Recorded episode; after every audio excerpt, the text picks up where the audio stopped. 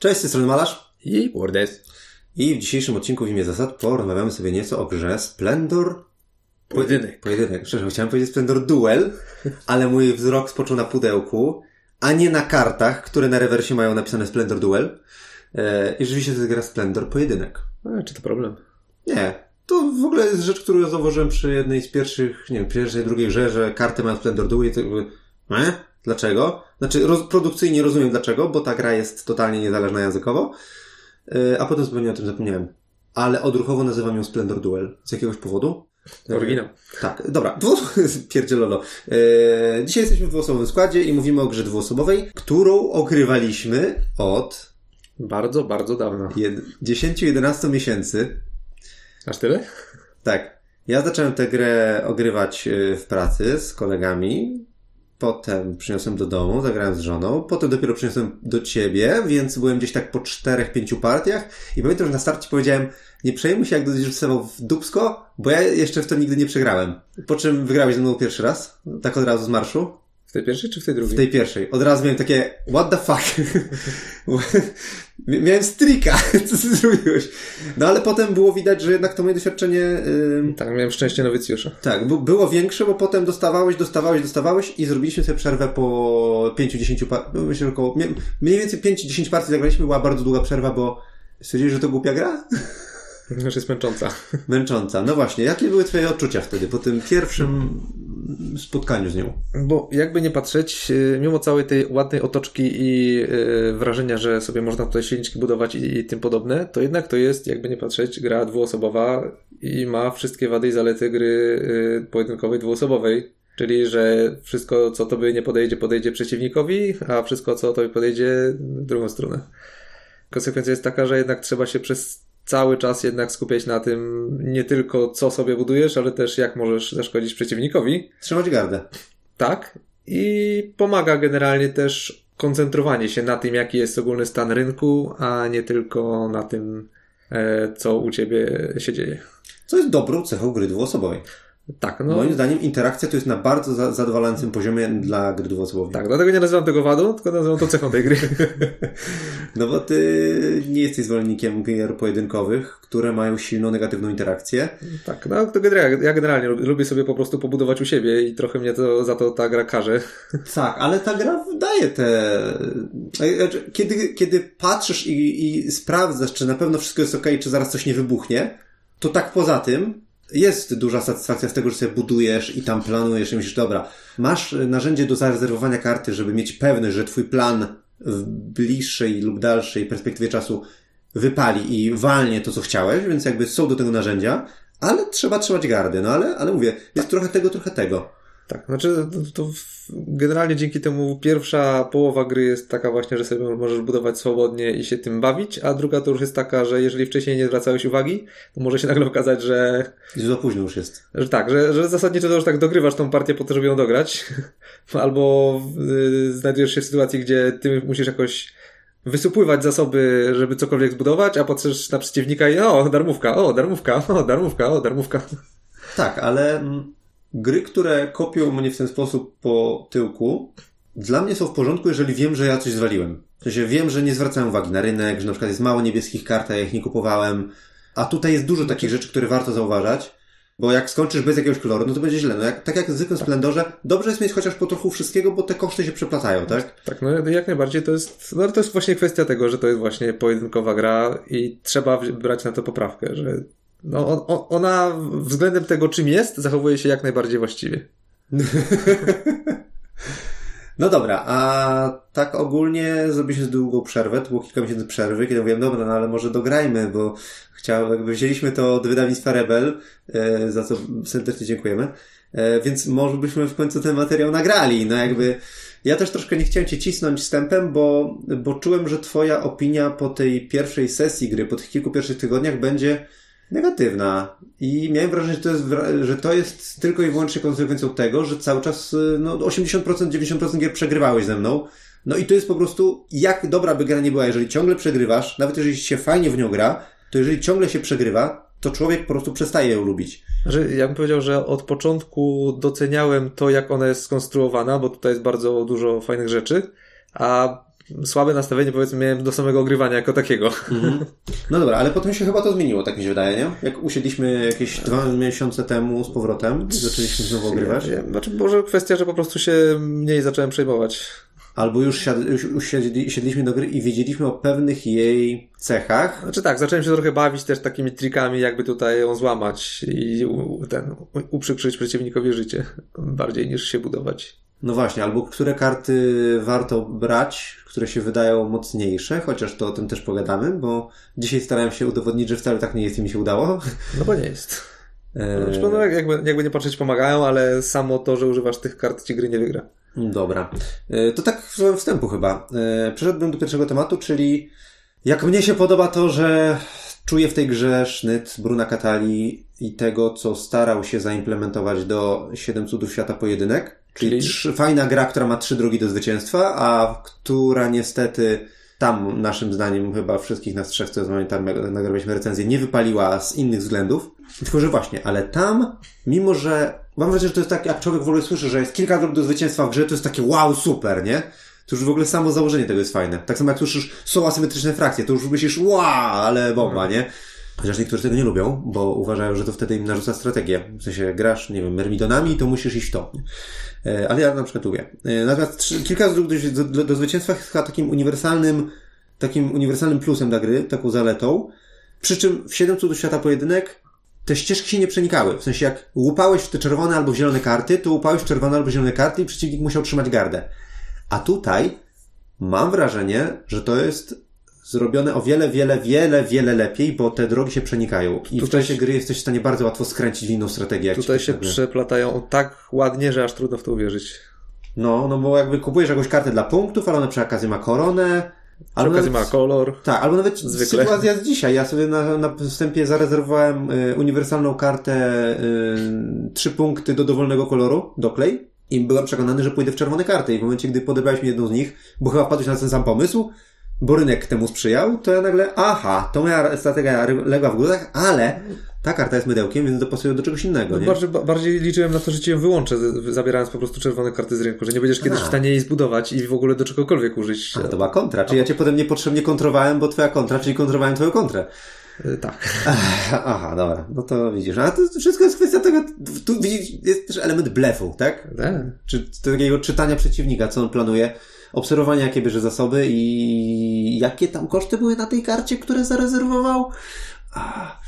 Więc skręcanie jest bardzo łatwe. Ja często miałem tak, że myślę, idę w jakiś kolor i nagle patrzę, nie no, chyba już łatwiej mi pójść w 20 punktów. Czy któraś twoim zdaniem z tych ścieżek się wyłamuje z tego schematu, że nie tak łatwo ją przeplatać, albo rzadziej się pojawia jako zwycięstwo? Znaczy, wydaje mi, jeśli chodzi o przeplatanie, to nie, to jednak jak, zawsze jakoś tam się y, ten E, do pewnego stopnia wymienia. E, co najwyżej koron jakoś rzadziej się zdarza, żeby ktoś je 10 zbierał, ale to może być nasza meta, lokalna meta. Może tak być. E, to znaczy ja w moich pierwszych grach, dosłownie kilku pierwszych grach, wygrałem na każdy z trzech sposobów, mhm. więc jakby tak na świeżo wchodząc od razu zobaczyłem, że wszystko się da. I to nie, że specjalnie się starałem, teraz zagram na korony, tylko naturalnie tak wyszło, że akurat sytuacja temu sprzyjała. Ale to było chyba jedyne zwycięstwo na korony, które widziałem w ogóle.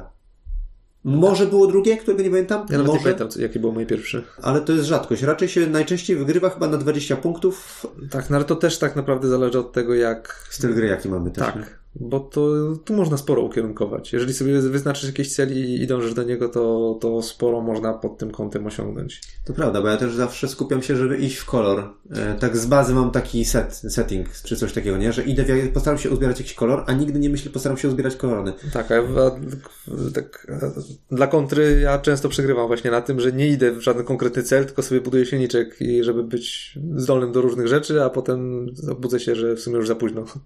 Dobrze, więc jak domykając ten pierwszy temat, Bruno Catala zrobił świetną robotę w tej grze i dla mnie wskoczył w ogóle do jakiejś takiej topki autorów za to, jak elegancka jest ta gra, jak pięknie tu się wszystko przeplata, jak to, że to są trzy cele zwycięstwa. Nie no, to jest po prostu me, me, mega fantastycznie skonstruowane w takim ogólnym koncepcie.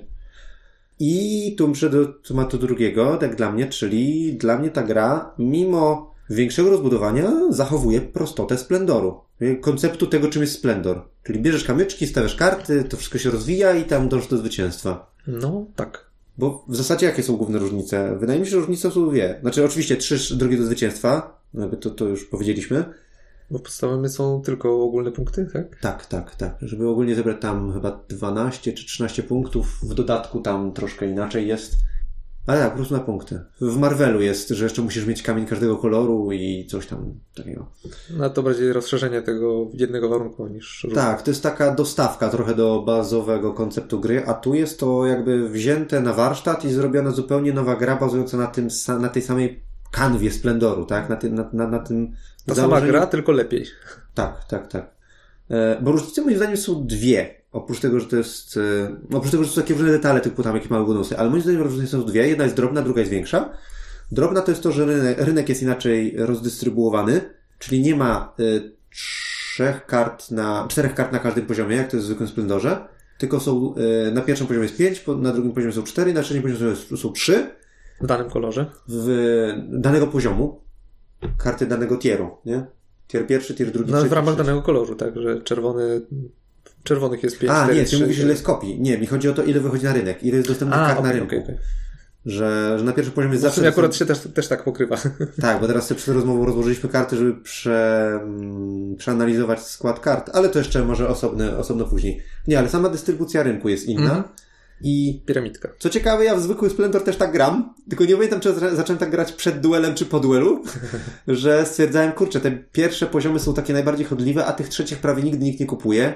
Zmieńmy to w piramidę, żeby, bo często było tak, że na pierwszym poziomie jest taki clean, że e, nie wiem, pasuje tylko jednemu graczowi, albo jest coś nieciekawego. I zacząłem tak grać, że rozszerzałem właśnie jedynkę, a zważałem trójkę. I w duelu właśnie tak jest. I to jest ogólnie dobra zmiana. I polecam ją do zwykłego Splendoru. I to jest drobna, drobna zmiana. To jest kosmetyka, to jest dosłownie papier ścierny stosowany w developmencie. E, ale o wiele większa zmiana to jest dystrybucja żetonów, czyli worek, wyciąganie i zbieranie rzędzików. Jak widzisz te zmiany?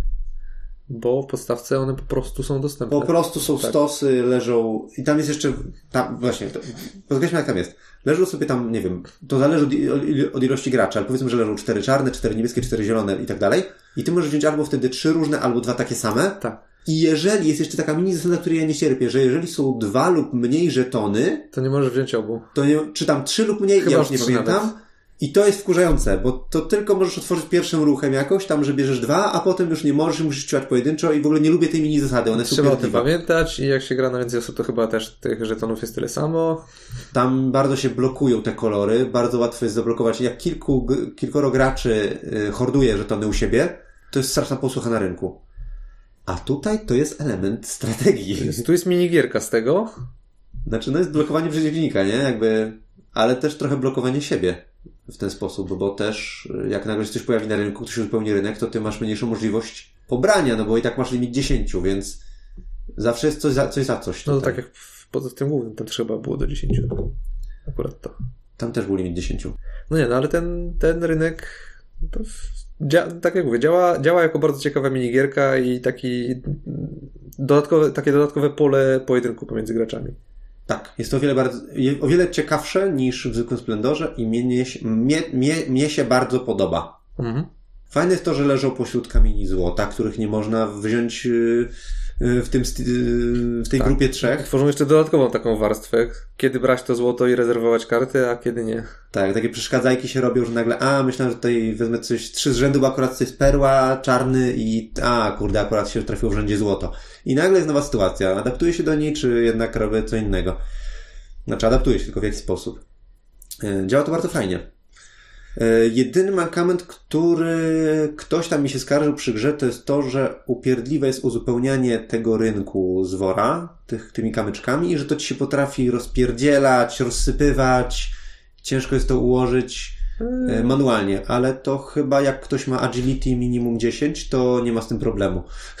Znaczy ja, ja problem z, z uzupełnianiem mam tylko, y, kiedy w worku się trafi jakaś nitka, która zahacza ci y, ten. Da, daje się złapać razem z żetonami i wtedy ciężej je wyciągnąć. Nie, no nie, może ja nie odczułem żadnego, żadnej nitki, jakbym wiedział, to bym już obciął taką nitkę. E, nie, dla mnie spoko. Jakby słyszałem takie skargi, ale dla mnie jest spoko, po prostu bierzesz, układasz sobie tak w ręku taką kolumienkę mhm. i potem tylko... Jak dystrybutor. Tak, taki dystrybutor sobie zrobisz z palców i tak y, zrzucasz po jednym. Nie, nie, ja osobiście nie mam też żadnego problemu, żeby wyłapać, gdzie się zaczyna y, jak idzie ta spirala dystrybucji na planszy, bo to jest taki ślimaczek narysowany, No, nie mam z tym żadnego problemu. Kwestia trochę ogrania, bo na początku pamiętam też było to mylące. W, którą, w którym momencie to przechodzi przez rząd, jak się nie pamiętało i nie spojrzało się dokładnie na rysunek. No, może kwestia ze dwóch, trzech partii pierwszych, a potem to już tak wchodzi łatwo, nawet po długiej przerwie, to już y, Później już tak. No. od razu, pyk, pyk, pyk, pyk, pyk, bez problemu żadnego. Dobra, ale przejdźmy do takiego mię- mięsa obgadywania zasad. Ja zaskakująco mam bardzo mało punktów wypisanych, jeżeli chodzi o ten core gry, bo tak naprawdę mam dosłownie trzy punkty.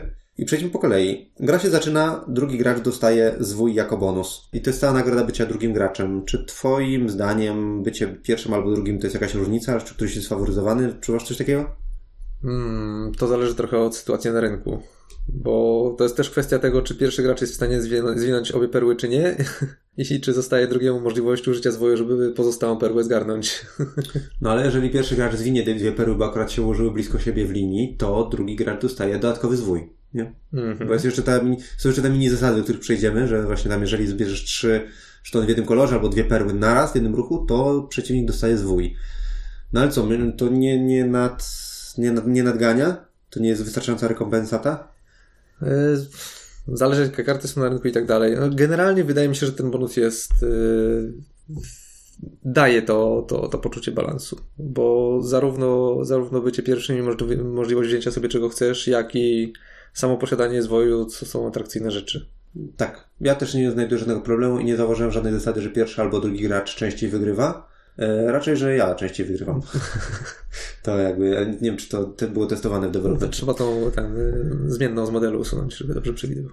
Tak, możliwe, że o to chodzi. E, więc tu jakby jest spoko, nie widzę problemu. Druga rzecz, no wiadomo, cała rozgrywka toczy się wokół tego, że bierzemy kamyczki, staramy się nie przekroczyć 10, żeby nie tracić kamyczków, żeby się nie redukować, bierzemy karty, patrzymy jakie mają bonusy. Te bonusy są ciekawe, w sensie to nie jest samo branie kamyczków, to co jest w sumie ważne.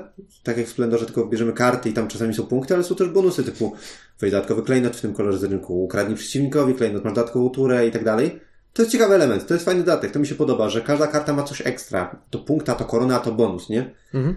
E, I to mi działa spoko i to jest ciekawe i na tym tle, no właśnie, czy coś się wyróżnia, czy coś jest mocniejsze. Znaczy, no to jest kolejna warstwa, tak? Dobre, dobre y, zwracanie uwagi na to, jakie bonusy są i kiedy je można zbudować, żeby Jakaś efektywnie je wykorzystać, wykorzystać, no. to, to dodaje do, dodatkowy ciekawy element. No właśnie, a dodatkowa kolejka. Dodatkowa kolejka jest, jest odczuwalna bardzo, jako bardzo przyjemna rzecz.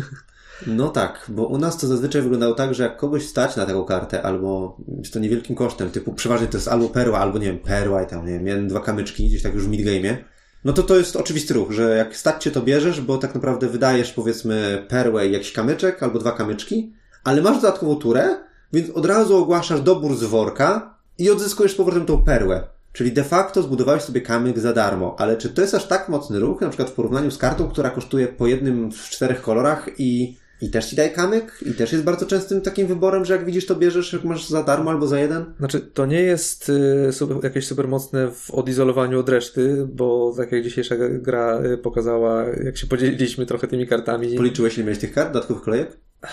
Chyba trzy albo cztery, nie? Wiem, że dwóch jeszcze nie zbudowałem nawet. Miałem, A. dwie chyba miałem zbudowane. Okej. No ale je rezerwowałeś, ja nie, nie dorwałem żadnej, mimo że y, od dawna wyczuwamy, że to jest dosyć mocny ruch. No ale to nie, nie, nieistotne tak naprawdę, bo już w poprzednich partiach też się bawiliśmy tym. Istotne jest tak naprawdę to, że te karty się wpisują w element y, jakby rywalizacji o zasoby, bo te karty są tak naprawdę, dają ci dużo, jeżeli jesteś w stanie je wykorzystać do odcięcia przeciwnika od posiadania pereł, potencjalnie też od posiadania złota. Bo wszystkie mocne karty wyższych poziomów, a czasem też i lepsze karty z, niższego, z najniższego poziomu, wymagają właśnie perły, której tak naprawdę się poza złotem niczym innym nie da zastąpić. Tak, no bo jakby tak, jak ktoś nie, nie wie, co, o co chodzi tutaj dokładnie, to tak może pokrótce powiedzmy, że w grze jest pięć kolorów kamieni plus złoto, które bierzesz złote, złoto ono jest z jokerem na co chce, czy na jeden z tych pięciu kolorów, czy na perłę. I ono ci przy okazji rezerwuje karty, to jest tak samo jak w Spl- Splendorze, ale doszedł resource pod tytułem perła. I te perły są tylko dwie, i perły są taką walutą premium, która jest wymagana do niektórych kart. Jako te, takie kamienie, takie kamienie i dodatkowo perła. I perła nie występuje jako karta, ona musi być sztonem perły, ale może być zastąpiona jako złoto, co odruchowo ja często o tym zapominam i dlatego my tak często się tniemy o te perły, żeby tak zabrać zawsze przeciwnikowi perły, zablokować, żeby samemu posiadać co najmniej jedną albo nawet dwie. One są takie jakby ważniejsze, ale no właśnie, złoto może je zastąpić. E, może, pod warunkiem, że jesteś w stanie je wziąć, bo też tu jesteś ograniczony tym, że tego złota nie ma dużo. Są trzy, zdaje się, tak? W Są trzy żetony złota. Plus nie możesz go pobrać, jeżeli nie jesteś w stanie sobie zarezerwować karty, a nie możesz, jeżeli już masz trzy zarezerwowane. Co mnie się zdarzało i się tak zaciąłem z dwa razy w różnych grach. Tak, to taką jedną, jedną pamiętam, mieliśmy rozgrywkę, gdzie faktycznie mi się to udało wykorzystać. Więc generalnie, jeżeli po prostu chcesz sobie budować silniczek i jakoś tam się rozwijać, to ta dodatkowa kolejka aż tak dużo nie wnosi. Natomiast, jeżeli by ci się udało doprowadzić do sytuacji, że ty masz całe złoto i wszystkie perły i za każdym razem potem jak wychodzi dodatkowa kolejka, to od razu z powrotem rezerwujesz tą perłę, to jesteś w stanie przegłodzić przeciwnika, a samemu jakoś tam się bawić innymi rzeczami. No tak, ale cały zysk z tej dodatkowej kolejki jest taki, że odzyskujesz, powiedzmy, że powiedzmy, że masz już ten silnik, że masz dwie karty każdego koloru, nie? Że taki środek gry jest. No to wtedy de facto wydajesz perłę, dostajesz za to kartę i odzyskujesz perłę i dwa kamienie, czyli generalnie wykonałeś ruch taki, w takiej najbardziej optymalnej sytuacji możliwej. Wykonałeś ruch, który polega na, twoja kolejka polegała na tym, że dostałeś za darmo kartę z rynku i jeszcze dwa kamienie Mhm. z, mm, z tego, z, z planszy, tak? Tak, czyli dostajesz darmowe kolejki, a w tym samym czasie Przeciwnik dostaje jeden zwój. Za to, że ogłosił dobieranie Tak, dwora. ale w szerszym ujęciu, jeżeli jesteś w stanie przeciwnika odciąć, to tak naprawdę blokujesz mu możliwość budowania i może się zdarzyć, że po prostu przez jakiś czas, dopóki ty nie zejdziesz z tych y, specjalnych żetonów, żeby przeciwnik mógł je pobrać, to on jest po prostu zablokowany i robi kolejki tak naprawdę na pusto. Może co najwyżej jakieś tam tanie rzeczy budować, które akurat perły nie wymagają, ale może się właśnie zdarzyć, że po prostu traci swoje kolejki. Ty zyskujesz czas, on traci czas i ziarnko po ziarnku to cię po prostu znacząco przybliża do zwycięstwa. Nigdy nie widziałem takiej sytuacji. Chociaż w teorii brzmi ciekawie. E, Bo perły bardzo często sobie wyrywaliśmy, Mhm. że ktoś miał dwie i blokował przeciwnika, a wtedy przeciwnik kombinuje, czy gdzieś tu jest symbol kradzieży, no bo jak też nie, jakby jest, jest narzędzie w grze do odebrania tych pereł w takiej Mhm. sytuacji. Jest, czy to któryś ze szlachciców, czyli dodatkowych kart, które można zdobyć za 3 lub 6 koron, czy po prostu za niektóre karty jest kradzież, czyli zabierz Tak, przeciwnikowi dowolny żeton oprócz złota.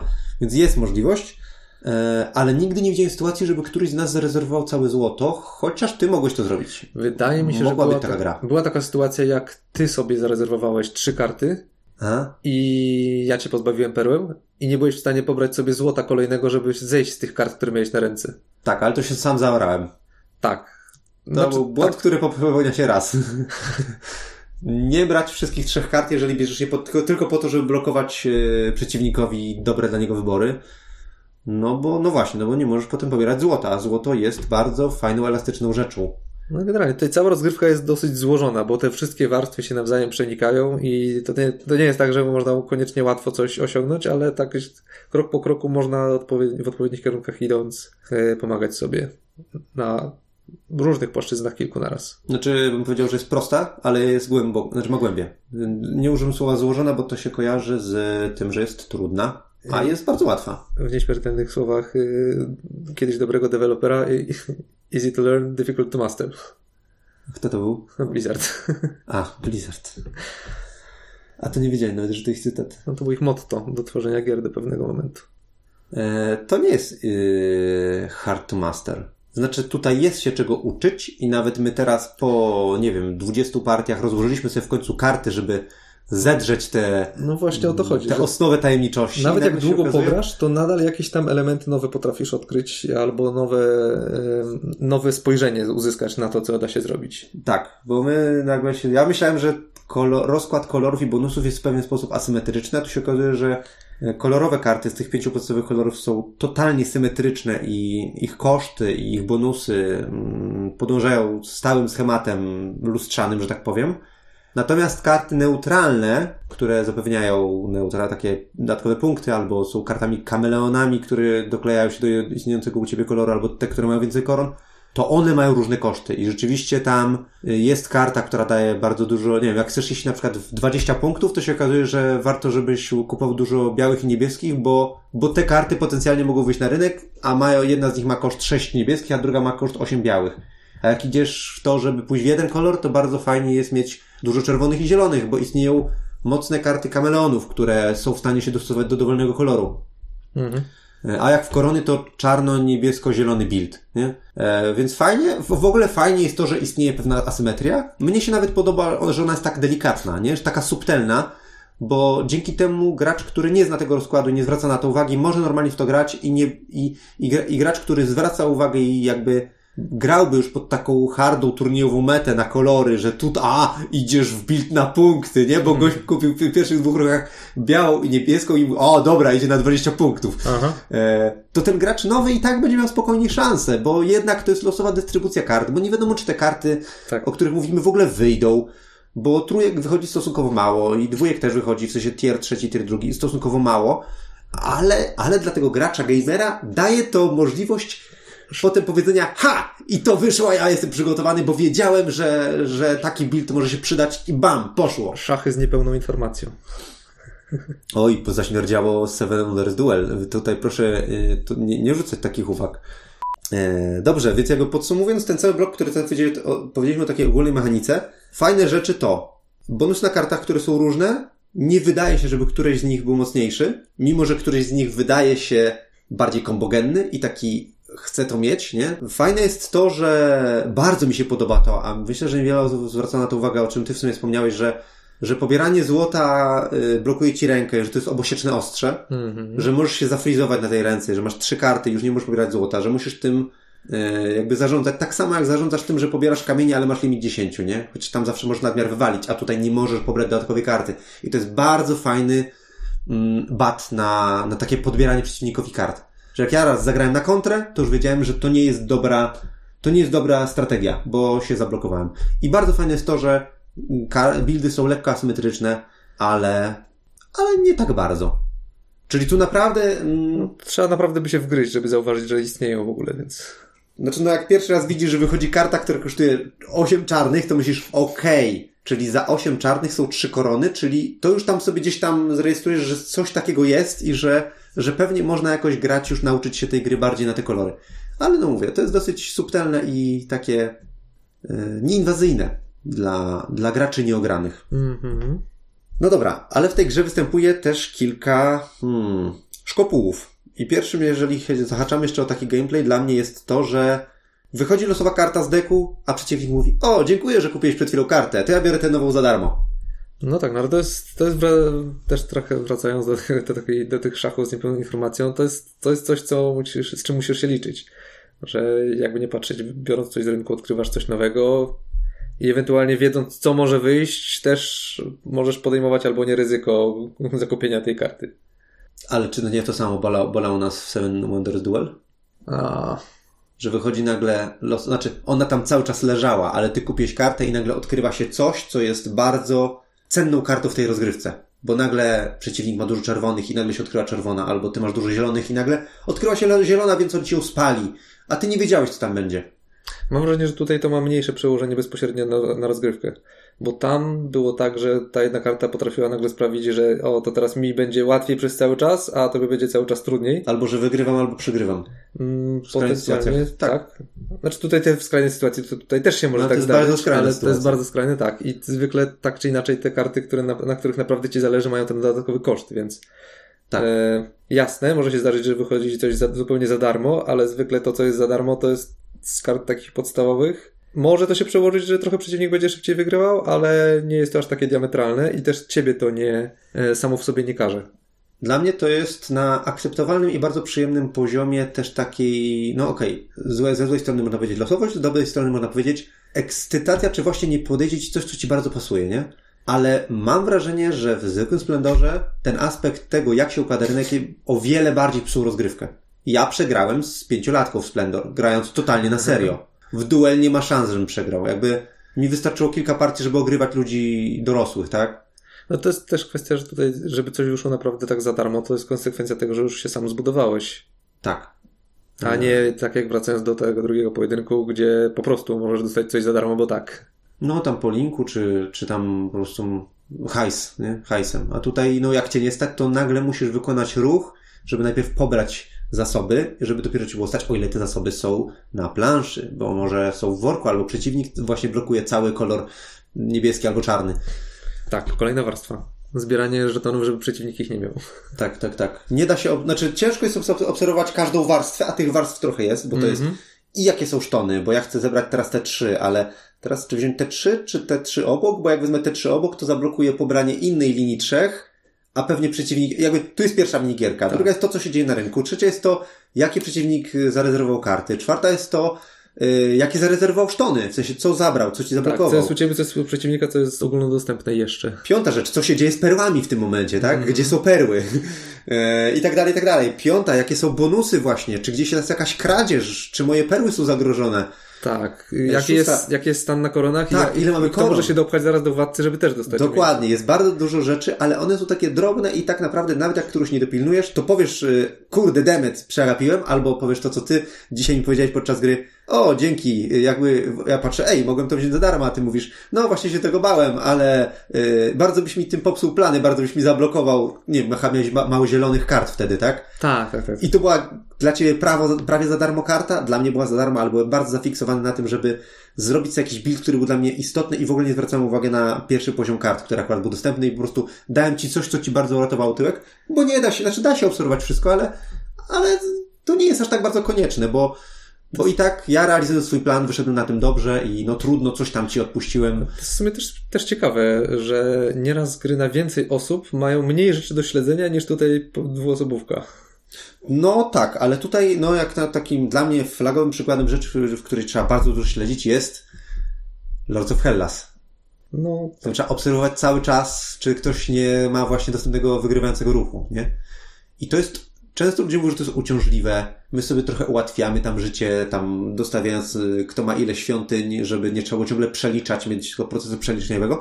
A tutaj tych rzeczy jest chyba nawet trochę więcej, ale one są bardziej subtelne, bardziej drobne i, i to jest o wiele, wiele mniej męczące, a bardziej przyjemne, że, że czasami zrobisz coś, co przeciwnikowi zablokuje, a on ci powie, kurde no, no musiałeś to zabrać. A ja, tak, musiałem. a, chciałem ci zrobić to samo, tylko potrzebowałem jeszcze jednej kolejki. Tak, tak, tak. Ale no, do tej jednej kolejce to mi nie mów, bo to mi przypomina sprzed tygodnia twoja wygrana, kiedy ja, kiedy ja już patrzę, a dobra, już mam 19 punktów, właśnie pobieram zasoby i już widać, że stać mi na ostatnie punkty.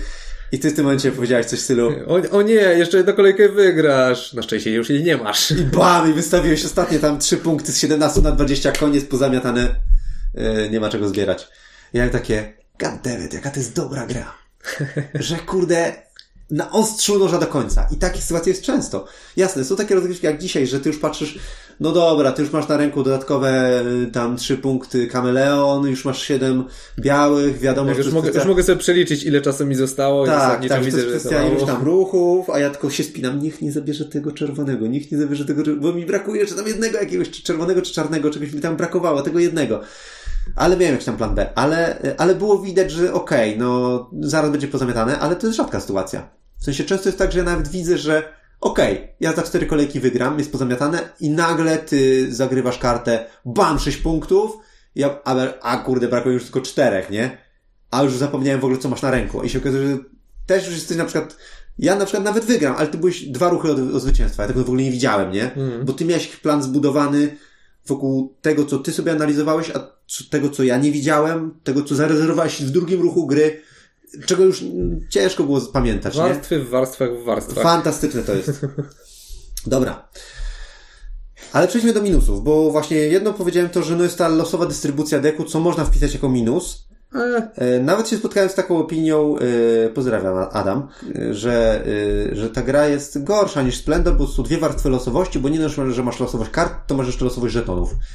Ja się z tym totalnie nie zgadzam, bo dla mnie losowość żetonów to nie jest losowość, to jest adaptacja do tego, jak się tworzy układ na planszy. mhm. A losowość kart, no jest losowość kart, jasne, ale to jest mała losowość, a poza tym, tak jak mówię, dla mnie jest o wiele, wiele, wiele, wiele mniej sytuacji takich, że jednemu graczowi podchodzi rynek absolutnie, a drugiemu nic nie podchodzi. Tu się z tym nie spotkałem nigdy, a tam się spotykam często. Więc jakby można się czepiać, że jest losowa dystrybucja kart, ale Adam mylisz się. Zresztą, jeżeli by narzekać na to, że y, kupienie karty potrafi odsłonić kartę przeciwnikowi, która mu tanio wejdzie, to z drugiej strony jemu tanio wejdzie, ale on ci teraz odsłania nową kartę. Tak. No ale to może powiedzieć, tutaj akurat wychodzi słaba karta, taka, co cię w ogóle Znaczy tak, no ale wiadomo, to się, to się wszystko przeplata. Zwłaszcza, że tu przejdźmy do jednego takiego minusa, który się zgadza. E, Czasami spread kart jest dziwny. No raz mieliśmy chyba taką partię naprawdę dziwną. Ja grałem w tę grę ze 20 czy 30 razy i dwa razy widziałem dziwny spread. Raz byliśmy, mieliśmy z tydzień temu taką rozgrywkę, że na pierwszym poziomie było od początku dosyć dużo kart tych, Które wymagają perły i są bezbarwne. tak, czy które kopiują kolor, albo, no właśnie, albo są bezbarwne po prostu i one są ma, bardzo mało interesujące na początku gry. A gdzieś po 10 minutach gry chyba już leżały cztery takie karty. Mhm. Tak. I to jest bardzo, bardzo w ogóle rzadka sytuacja, bo ja policzyłem prawdopodobieństwo, że na to, żeby w ogóle na początku gry z 30 kart pierwszego poziomu wyłożyły się 4 karty z 5, które są w tej grupie bezbarwnych, to jest 0,02%. A żeby się wyłożyły wszystkie 5, to już możecie policzyć, że to jest w ogóle tam ułamek, ułamka, ułamka. Raczej wam się nie zdarzy. E, ale no mówię, dwa, dwa razy się zdarzyła taka sytuacja, że, że był dziwny spread. Raz to było właśnie wtedy, kiedy na początku były chyba dwie albo trzy karty, na samym początku się ułożyły i my ich nie chcieliśmy kupować, no bo po pierwsze, póki nie ma żadnego koloru, to w ogóle bez sensu, a po drugie, trochę szkoda na to perły, jak jeszcze nie wiesz, w jaką strategię idziesz, w jaki kolor idziesz, bo one są fajne, żeby dobustować sobie jakiś kolor, że już tam mam pięć punktów czerwonych, to zaczynam zbierać jeszcze te i dokoptowywać, że to jest więcej czerwonych, bo idę w czerwone. Więc one tak od mid-game'u się przydają. A w early game są, no, blokują trochę rynek. A drugą sytuację miałem taką, że jak grałem z kolegą po pracy, to mieliśmy straszne zapotrzebowanie na czarne, e, na czarne kamienie, bo wszystko wymagało czarnych kamieni. Wszystko na pierwszym i drugim poziomie wymagało czarnych kamieni. I nasza sytuacja tak, była taka, że mniej więcej jak mieliśmy po dwie do czterech kart każdy, to nagle patrzymy, potrzeba strasznie dużo czarnych kamieni. I to się zaczęło sprowadzać do brania złota cały czas, nie? W tej naszej partii było w sumie podobnie, jako konsekwencja tego, że były te szare, że przy okazji też chyba, a chyba akurat właśnie czarne nie wychodziły. Albo w tej partii, albo w którejś z sąsiednich. No tak, no siłą rzeczy jak jest mniej kart, to nagle jest, no na przykład wychodzi jakaś karta, która potrzebuje czterech, nie wiem, niebieskich albo Mhm. dwóch niebieskich i dwóch czerwonych, czy coś tam i nagle jest, hmm, wszyscy potrzebują teraz niebieskich, bo to jest jedyna opcja, żeby budować sobie kolory w swoim tableau. Więc potrafi się zdarzyć, zdarzyć dziwny spread, ale mówię, dla mnie to jest taka rozgrywka raz na 10-15 partii i ona jest trochę uciążliwa i trochę przykra. Ale to coś innego. To jest coś innego, no ale to się. To nie jest tak, to nie, nie powiem, że to jest ciekawa rozgrywka, że o, jest nietypowo, jest ciekawie, jest trudniej, tylko to jest po prostu mozol, mozolnie się wtedy robi. Mhm. I to jest trochę słabe, ale wpisuję to w koszty, ja osobiście. Jakby, no okej, trudno, bo poza tym to jest spoko giera. Druga rzecz, o której, yy, którą wpisał jako potencjalna wada, to porozmawiamy, czy to jest wada, to są... Faktyczny minus. Tak, czy to jest faktyczny minus, to są mini zasady. Czyli, że musisz pamiętać, że jak przeciwnik weźmie dwie perły, to ty bierzesz zwój. Albo, że jak przeciwnik bierze trzy takie same kamienie, to ty bierzesz zwój. Yy, zapominam o tym? Eee, może na początku trochę, ale teraz po, po graniu trochę to chyba już nam się nie zdarza. Znaczy, poza tym, że ktoś może akurat nie zwrócić uwagi, że drugi dobiera. Ja dzisiaj zapomniałem wziąć zwoju, jak ty do- mówiłeś, do- uzupełniam, yy, uzupełniam rynek z wora. Przypomniałeś mi po dwóch kolejkach, że nie wziąłem. Tak, no to, E, ale to, jest, to się nie zdarza, to się zawsze się o tym pamięta. no to też akurat robiłeś notatki sobie w międzyczasie i to chyba bardziej przez to. Nie, wydaje mi się, że jeśli chodzi o takie... Jeżeli się już parę razy zagra, to wszystkie te, samo istnienie tych zasad jest bardzo oczywiste i zwraca się na to uwagę po prostu rozważając swoje opcje, a co najwyżej można właśnie jako o samej akcji wzięcia sobie tego, e, tego znacznika zapomnieć. Tak, te mini zasady są zasadne. E, Sytuacja, że ktoś bierze dwie perły jest tak rzadka, że, że w ogóle zwracasz na to uwagę już z samego tego faktu. Patrzysz, o, dwie perły, a, to biorę zwój. E, rzeczywiście, ja bym powiedział, że pierwsza gra, jakby, bo jesteś skupiony na nauce zasad, to możesz zapominać o tych mini zasadach, ale od, nawet już od drugiej, naprawdę, one są tak, e, to są mini zasady, ale one są po pierwsze bardzo uzasadnione dla mechaniki, a po drugie, no, pamięta się o nich raczej. Nie widzę tutaj problemu z nimi. Więc to jest Co dla mnie bardziej potencjalny Co problem. najwyżej o tych trzech żetonach w jednym kolorze można by trochę zapominać, bo to się bardzo rzadko zdarza Nie i wiem, czy ktoś kiedyś pobrał. w sumie chyba też nigdy nie widziałem.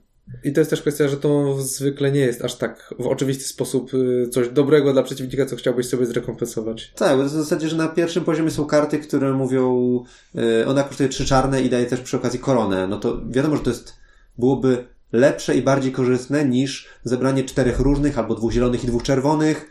I jeszcze masz za to koronę, nie?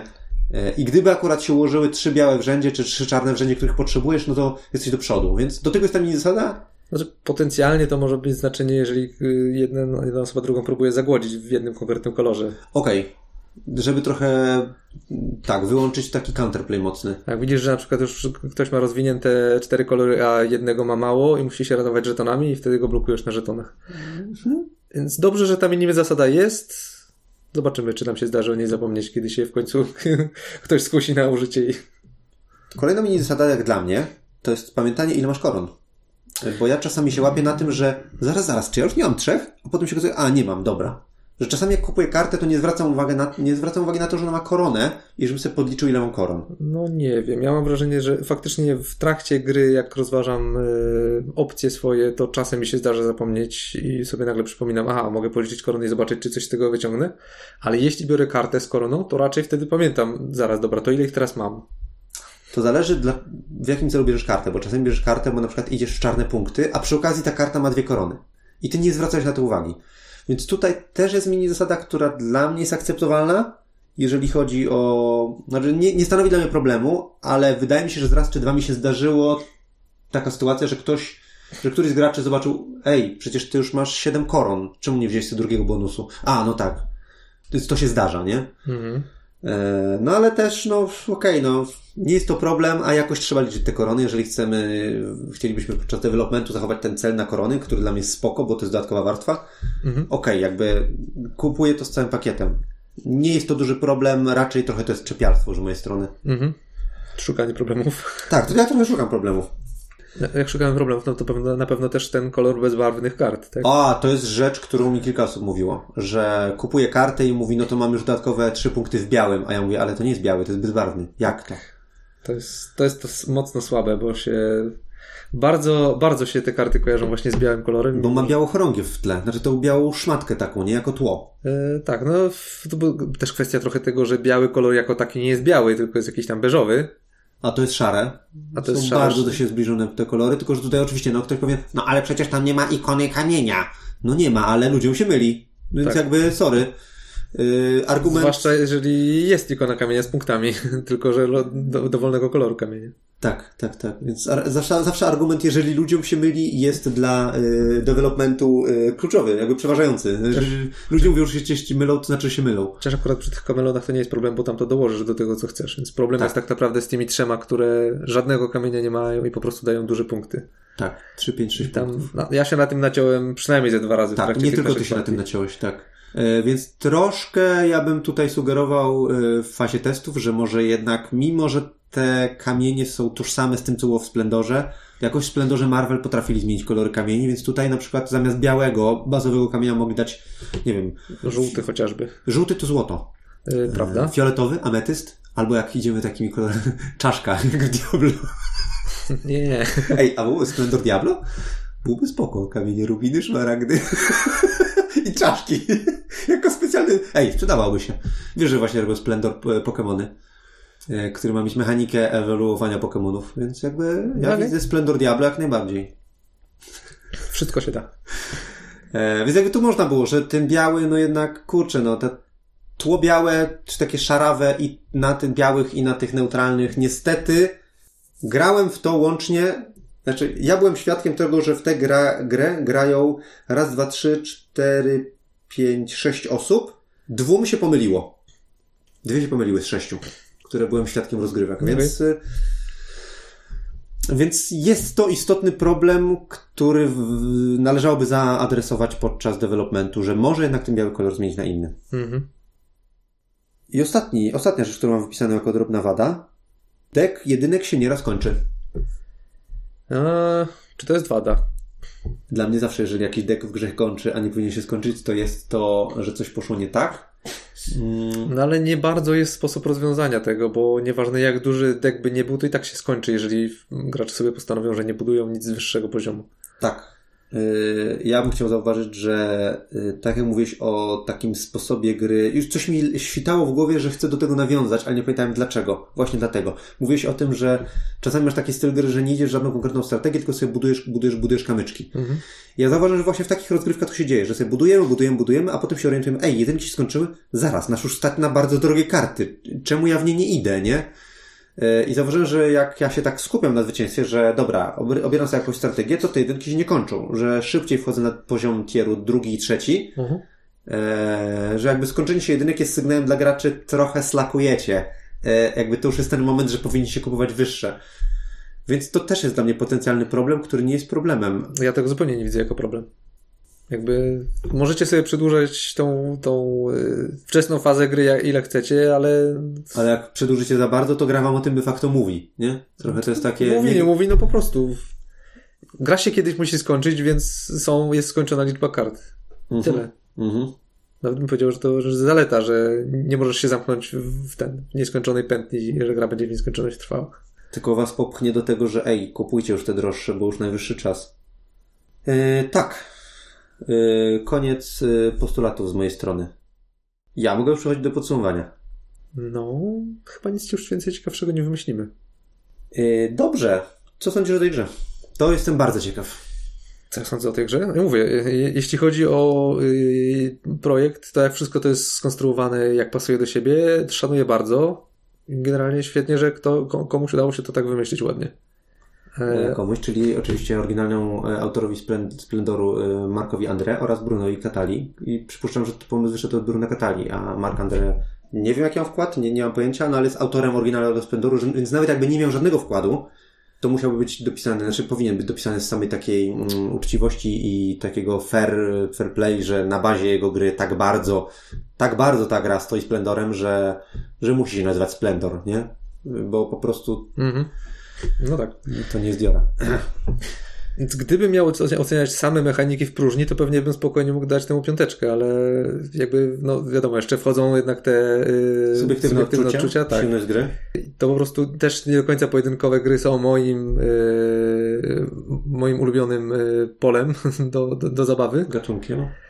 więc musiałbym to jednak na, na 4 plus obniżyć, gdybym chciał Mm. tak z, wymieszany, yy, zbalansowany, yy, zbalansowaną ocenę dać. No, zbalansowane z, z twoją subiektywną Tak. ocenę odczuć. Czyli polecasz dla graczy, którzy lubią gry dwuosobowe. Jeżeli lubicie gry dwuosobowe, To ta konfrontacyjne, gra dwuosobowa. to dajcie sobie jeden do oceny. tak. No powiedz to, tak?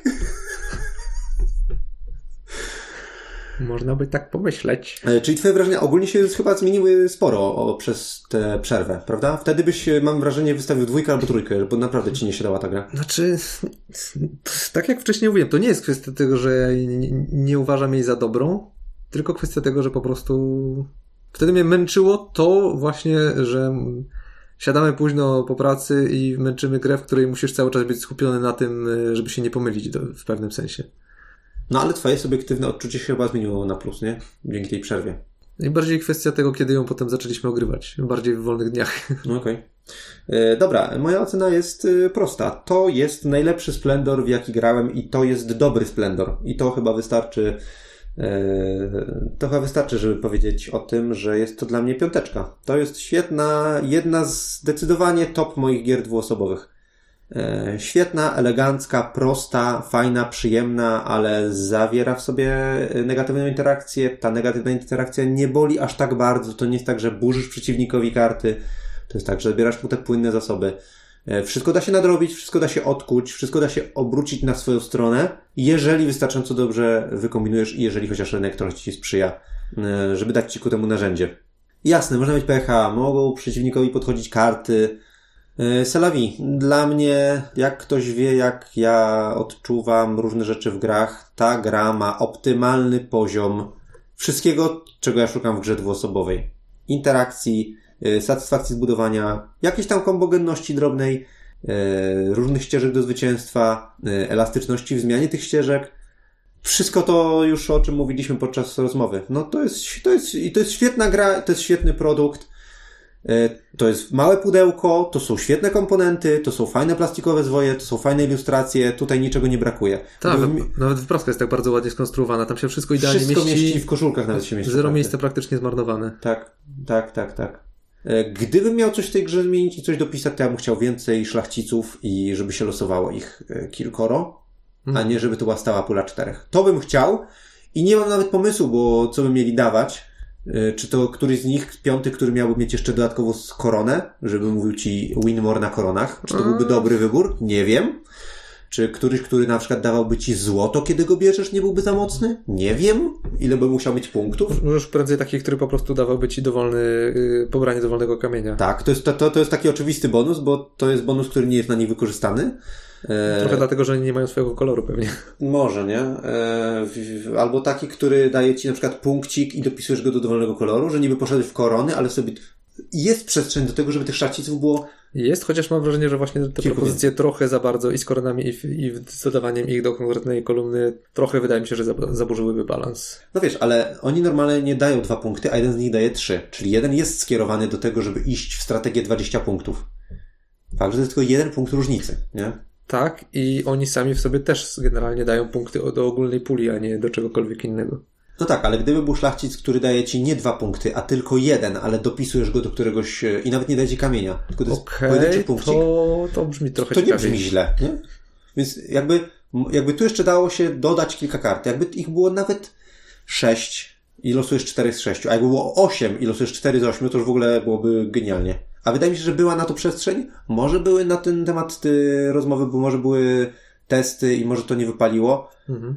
Nie wiadomo, ale tutaj bym chciał troszeczkę więcej tylko na tej płaszczyźnie. Ale poza tym, dla mnie rewelacja. Yy, więc, yy, więc, więc kurczę, no polecamy. Dwuosobówka świetna. Tak, no chyba w sumie najlepsza z dwuosobówek, które graliśmy, jakby nie patrzeć. A szarcy? Eee, szarcy się dobrze gra, ale nie mają takiej ładnej głębi. No one są troszkę jednak samograjem i tam troszkę wygrywa losowa osoba, a tutaj czujesz, że przechyczyłeś przeciwnika. Tak. Tam to jest po prostu taka luźniejsza pytanka. Że jasne, możesz tam sobie pomyśleć trochę, ale jednak więcej zależy od losowości i to jest takie, tam to jest takie bardziej trochę w sumie do, mówiąc umownie do piwa. Tak. A, to jest faktycznie taka dobra, pojedynkowa jest. Czyli Shards of Infinity nie ma dopisku duel, a Splendor Duel ma dopisek duel. Dobra, dziękujemy. Y, nie będę więcej pierdzielił, bo będę miał więcej obrabiania materiału. Y, zakończmy na tym. Bardzo polecamy tę grę i dziękujemy wydawnictwu Rebel za przesłanie egzemplarza do recenzji. E, więcej takich gier. Naprawdę. Oto to. To do następnego. Cześć.